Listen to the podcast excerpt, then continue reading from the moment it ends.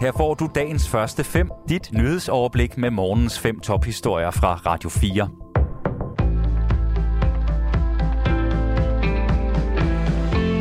Det er onsdag den 16. november. Jeg hedder Signe Ribergaard Rasmussen. Godmorgen og velkommen til en nyhedsudsendelse, som i høj grad er præget af missilangreb i Polen.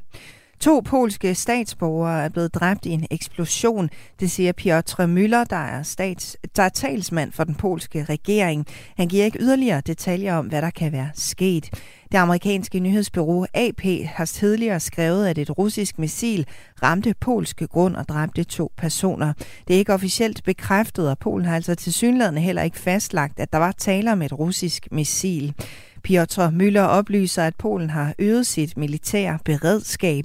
Han siger også, at man er ved at undersøge, om der er brug for at aktivere artikel 4 i Forsvarsalliancens traktat. Den handler om, at medlemslandene vil rådføre sig med hinanden, når et medlemslands territoriale integritet, politiske uafhængighed eller sikkerhed er truet.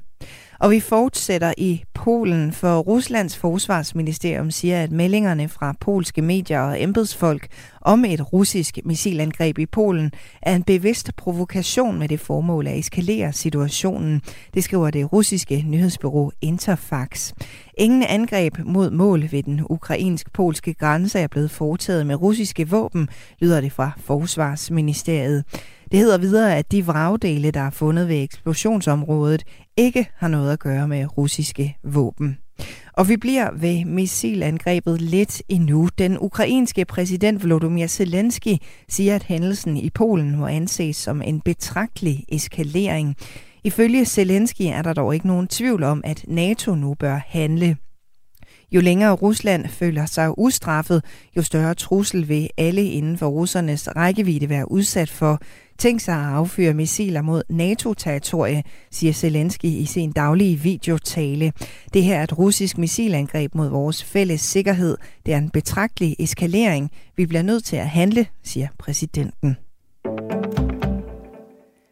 Mens metankoncentrationen i atmosfæren lige nu slår nye rekorder, så viser en ny rapport, at 15 af verdens største kød- og mejeriproducenter udleder mere metangas end lande som netop Rusland. Det skriver Dagbladet Information. Thomas Sand fortæller. Også danske virksomheder som Arla og Danish Crown indgår i rapporten, som er lavet af den tysk-amerikanske non-profit organisation Institute for Agriculture and Trade Policy. Organisationens europæiske direktør Shefali Sharma udtaler i en pressemeddelelse, at mange af virksomhederne skjuler deres massive klimaaftryk bag greenwashing og lovord om nul udledning. Disse virksomheder vil ikke gøre, hvad der er behov for frivilligt. Derfor må regeringerne sætte regler op, der kan regulere deres udledninger, siger Shefali Sharma til information. Christine Clement, der er kampagneleder i Greenpeace, er enig i, at der er tale om en form for greenwashing, også blandt de danske kød- og mejerivirksomheder, selvom de er mere åbne om deres produktion end udenlandske virksomheder.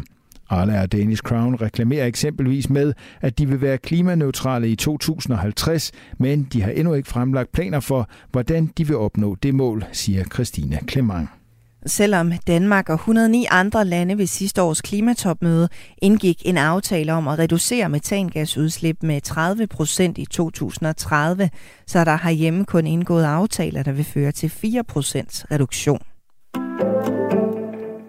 Donald Trump vil stille op som kandidat til præsidentposten i USA igen i 2024. Det siger han i en tale fra sin bopæl Mar-a-Lago i Palm Beach i Florida. In order to make America great and glorious again, I am tonight announcing my candidacy for President of the United States. Ja, for igen at gøre USA storslået, meddeler jeg jer her til aften mit kandidatur som præsident, siger Trump. I talen hævder Trump, at landet er i forfald under præsident Joe Biden, og at det gik langt bedre, da han selv var præsident. Ifølge nyhedsbureauet Reuters kan Trumps tale ses som et forsøg på at holde andre republikanske kandidater væk fra at forsøge at blive partiets nomineret. Trump er dog heller ikke selv nomineret på nuværende tidspunkt. Han vendte sig med skarp konkurrence fra sin partikollega Ron DeSantis, som er guvernør i Florida. DeSantis er netop kommet ud af midtvejsvalget rigtig flot i sidste uge. Dagens første fem er tilbage igen i morgen tidlig. Hvis du har brug for en nyhedsopdatering inden da, kan du altid fange os i radioen, på nettet og i vores app. Vi høres ved til dagens første fem fra Radio 4.